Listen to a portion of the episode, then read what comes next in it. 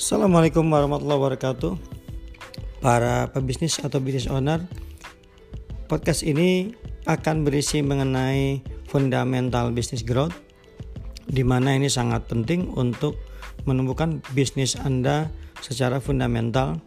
Konten dari fundamental business growth itu ada empat. Yang pertama adalah business blueprint Lalu kemudian yang kedua adalah mengenai stage of business yang ketiga mengenai arsitektur strategi dan yang keempat mengenai manajemen blueprint.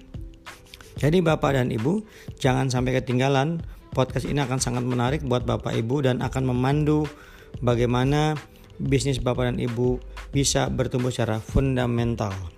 Terima kasih. Saya Eko dari Grid Coach Indonesia. Assalamualaikum warahmatullahi wabarakatuh.